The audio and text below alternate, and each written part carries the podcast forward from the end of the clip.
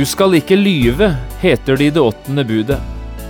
Og i Luthers forklaring til dette budet, da lyder det slik Vi skal frykte og elske Gud så vi ikke lyver på vår neste, ikke svikter ham eller taler ondt om han, men unnskylder ham, taler vel om han og tar alt i beste mening. La oss ta dette med oss i dag, i møte med det vi nå skal snakke sammen om, for dette er viktig.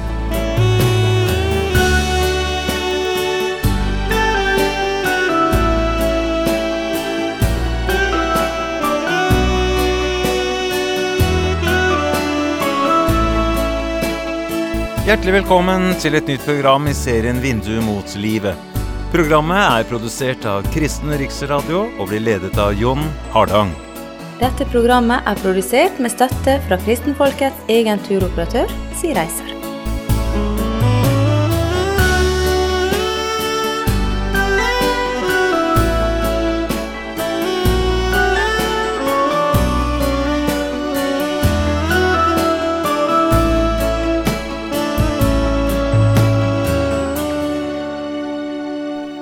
I et tidligere program snakket vi om den fortapte sønnen, ut fra lignelsen Jesus fortalte. I dag skal du få høre om den bortkomne datteren. Men dette er ingen lignelse. Dette er en både sann og meget dramatisk historie, hentet rett ut fra virkeligheten og hverdagen i Jerusalem. Dette er det niende programmet i serien Tilhenger eller etterfølger, en bibelundervisningsserie på tolv programmer som tar utgangspunkt i de såkalte søndagstekstene. Vi leser nå fra Johannesevangeliet i kapittel åtte, og vi skal lese versene to til elleve. Jeg har kalt dagens program Den bortkomne datteren. Tidlig om morgenen kom Jesus igjen til tempelet. Folkemengden samlet seg om han, og han satte seg og lærte dem. De skriftlærde og fariseerne førte da til ham en kvinne som var grepet i hor, og de stilte henne fram for ham. Og de sa til ham, Mester, denne kvinnen er grepet på fersk gjerning i hor. I loven har Moses påbudt oss at slike kvinner skal steines. Hva sier nå du? Dette sa de for å sette han på prøve, så de kunne ha noe å anklage han for. Men Jesus bøyde seg ned og skrev med fingeren på jorden. Men da de fortsatte å spørre ham, rettet Jesus seg opp og sa til dem, Den av dere som er uten synd, han skal kaste den første stein på henne. Så bøyde han seg ned igjen og skrev på jorden. Men da de hørte dette, gikk de bort, én etter én, de eldste først, og Jesus ble alene tilbake med kvinnen som sto der. Da rettet Jesus seg opp og sa til henne, Kvinne, hvor er de? Har ingen fordømt deg? Hun sa, Ingen, Herre. Og Jesus sa, Heller ikke jeg fordømmer deg. Gå bort og synd ikke mer.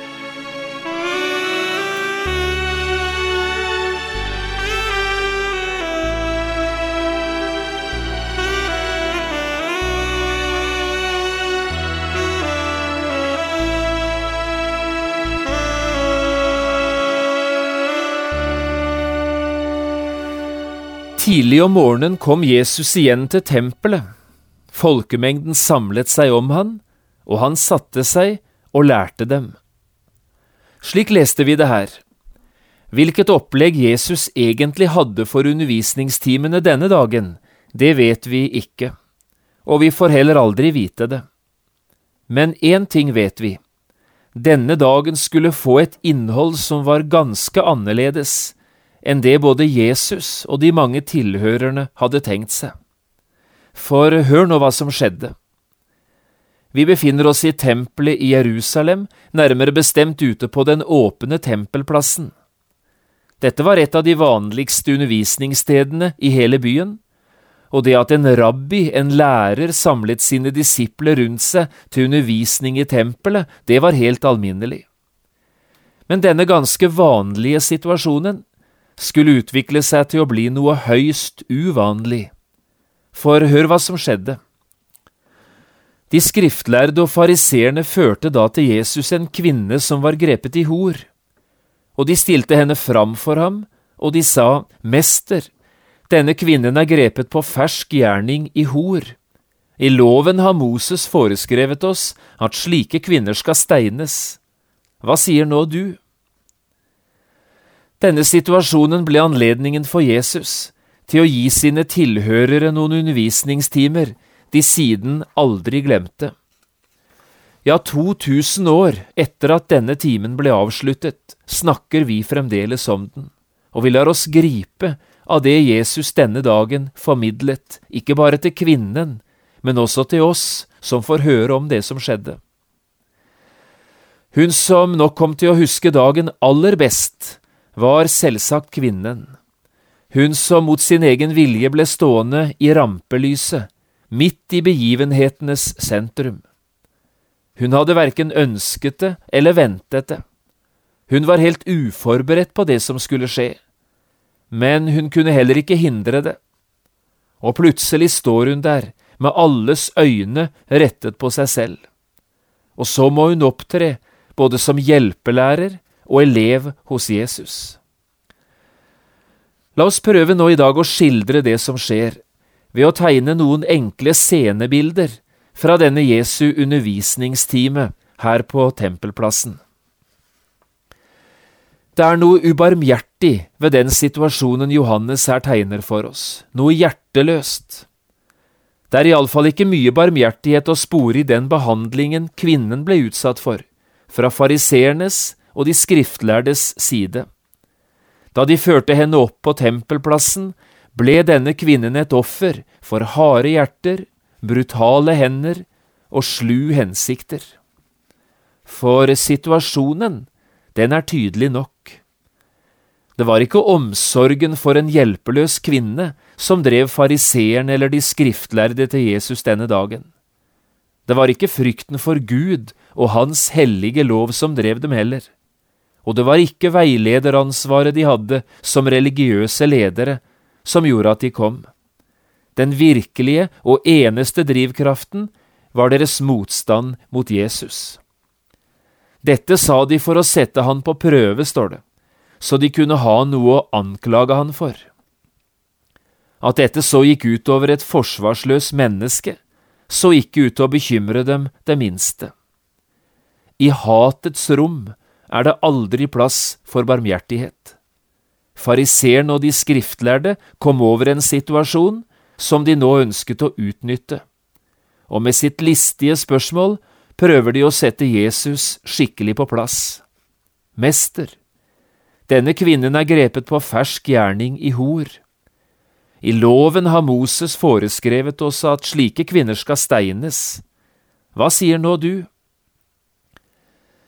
Uansett hva Jesus nå svarte, kom han til å ødelegge for seg selv, og dermed for sin store gjerning i folket.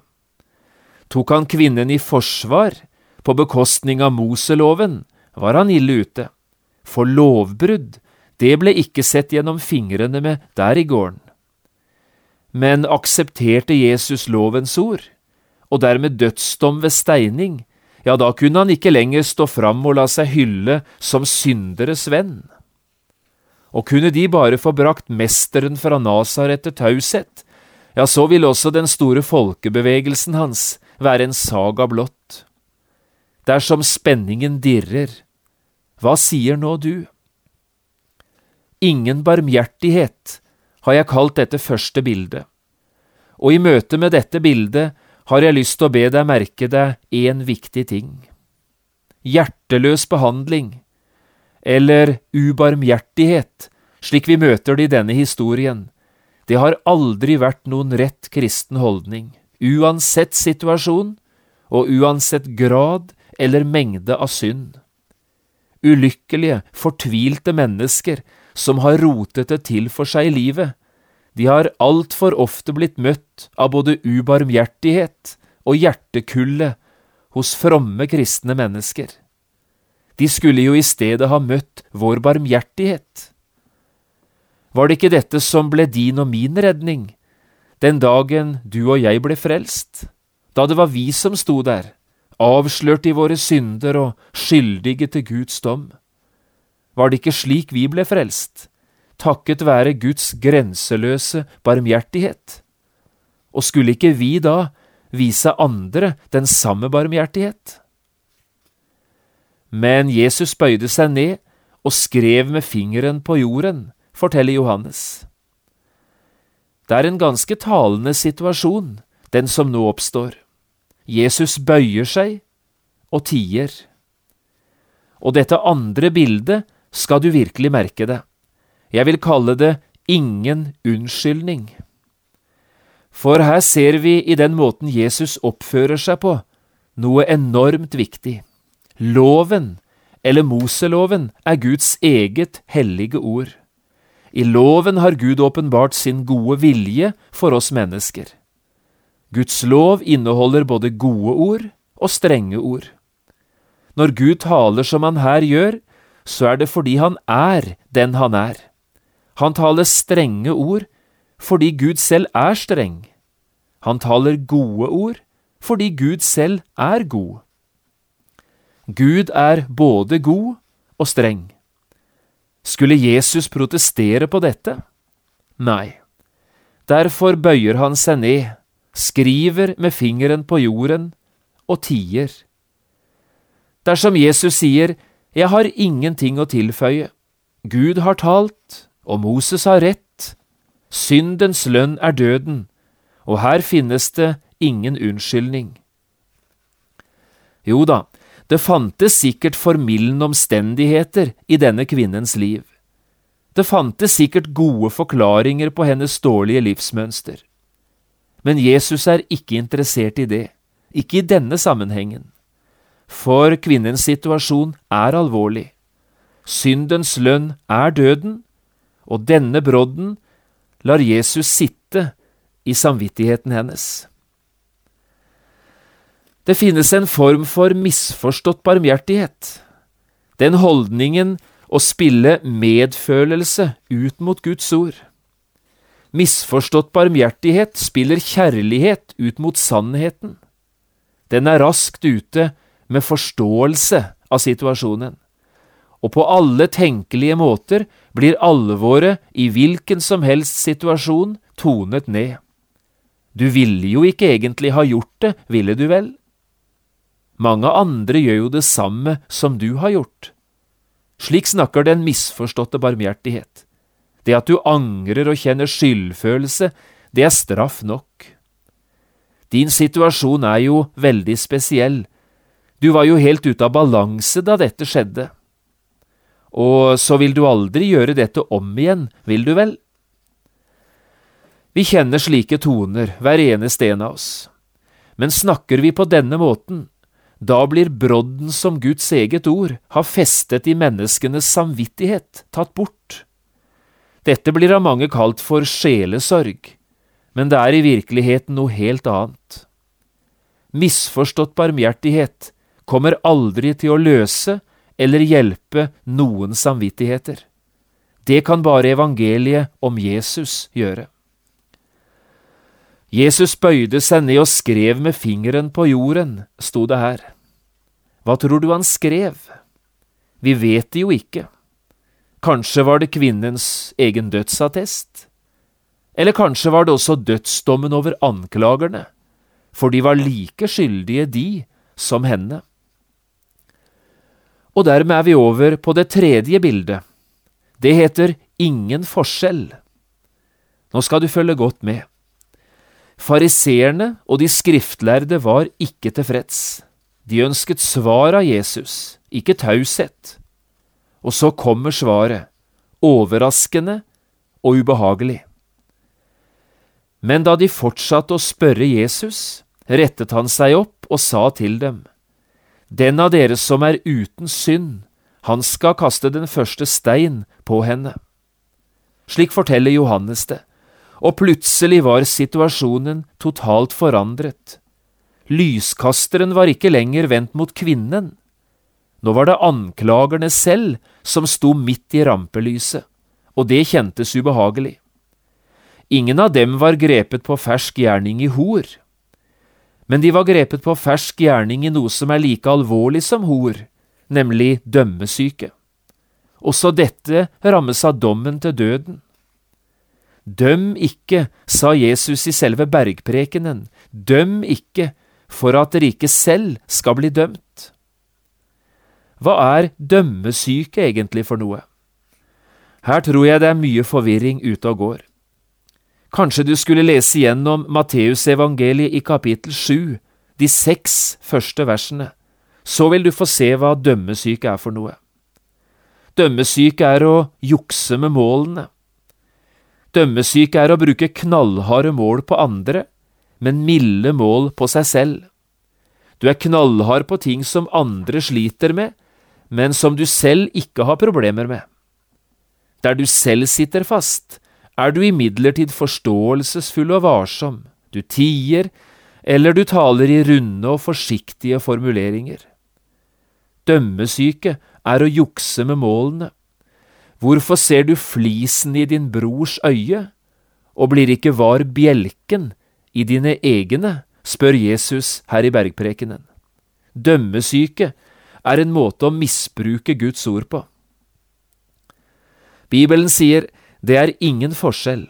Alle har syndet og står uten ære for Gud.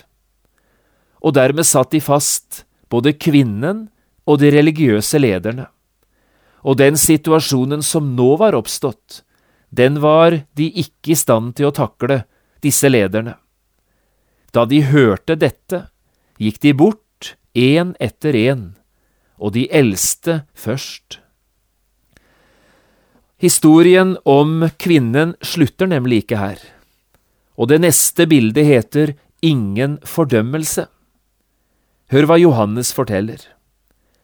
Jesus ble alene tilbake med kvinnen som sto der. Da rettet Jesus seg opp og sa til henne, Kvinne, hvor er De? Har ingen fordømt deg? Hun sa, Ingen, Herre. Og Jesus sa, Heller ikke jeg fordømmer deg. Gå bort og synd ikke mer. Om de ikke hadde vært stille på tempelplassen tidligere, ble de i alle fall dødsstille akkurat nå. Heller ikke jeg fordømmer deg. Hvordan skulle de forstå det Jesus nå sa? La oss prøve å oppsummere det kvinnen hadde opplevd. Jesus hadde møtt henne med barmhjertighet. Uten unnskyldninger og bortforklaringer hadde Jesus gitt Guds ord rett også i sin dom over synden. Kvinnen var skyldig, og hun forsto det. Men så var hun blitt tatt hånd om av en frelser. Ikke én gang hadde Jesus løftet dømmesykens farlige pisk. For slik Jesus hadde talt, var også dømmesyken blitt til synd.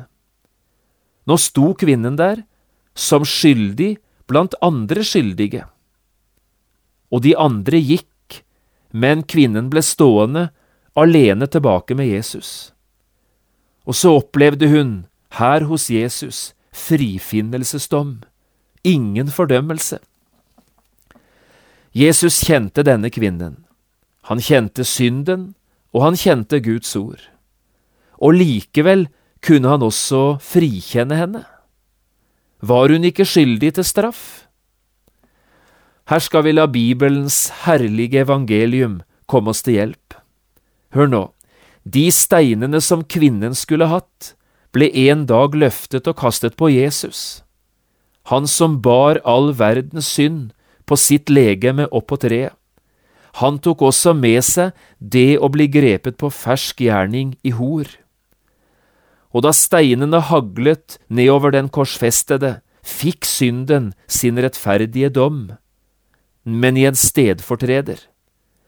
Og så, her under korset, er et skjulested for disse som egentlig var skyldige. Hør hva Bibelen sier. Ingen av dem som tar sin tilflukt til ham, dømmes skyldig. Salme 34, 23. Så er det da ingen fordømmelse for den som er i Kristus Jesus. Romerbrevet 8, 1. Og det er her den eh, skyldige kvinnen får stå, i ly av Jesu kors. Det er her hun får ta imot syndernes forlatelse. Det betyr at synden er fjernet fra Guds ansikt. Den er tatt bort som årsak til fordømmelse, og dermed er hun skyldfri innenfor Gud. Gå bort og synd ikke mer. Slik ender samtalen mellom Jesus og denne kvinnen. Og bildet som nå tegnes til slutt, har jeg kalt ingen akkord. Vi kjenner gjerne uttrykket å gå på akkord med. Det betyr egentlig å slå av på kravene. Dette skal være bannlyst i alt som kalles kristenliv. Gå bort og synd ikke mer, sier Jesus. Dette betyr ikke at du som kristen er i stand til å leve et syndfritt liv, men det betyr at den som har fått fred med Gud, aldri mer skal slutte fred med synden. Under en stor vekkelse i Kristiansand i mellomkrigsårene ble en av byens verste drukkenbolter og slåsskjemper omvendt til Gud. Han hadde vært byens skrekk i årevis. Jeg tror ikke det er plass til flere knivstikk på den kroppen, sa en av sykepleierne som hadde behandlet han, en av de mange gangene han var blitt sendt opp på Kristiansand sykehus. Et fryktelig språk hadde han også ført, han bannet og svertet som få. Men så ble Frans omvendt Gud og et helt nytt menneske. Han ble ved et Guds under en skikkelig hedersmann, en pryd for sin by og et ydmykt, fint Jesu vitne. Det gikk mange historier omkring i Kristiansand i årene som nå kom, som fortalte om tilgivelsens mange frukter i Frans sitt liv. Her skal du få en av dem, som bedre enn mange ord forteller om hvordan syndernes forlatelse kan føre til et nytt liv. En dag på jobben arbeidet de med hammer og meisel.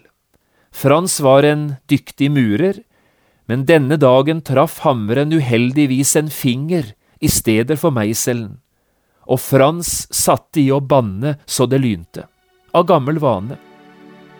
Men så hendte det noe som arbeidskameratene aldri tidligere hadde opplevd.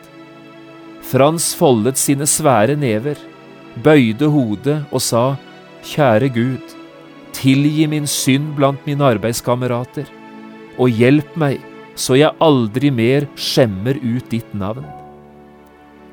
Arbeidskameratene til Frans glemte aldri dette øyeblikket. Midt i hverdagen hadde de møtt en mann som praktiserte Jesu ord. Heller ikke jeg fordømmer deg, gå bort og synd ikke mer.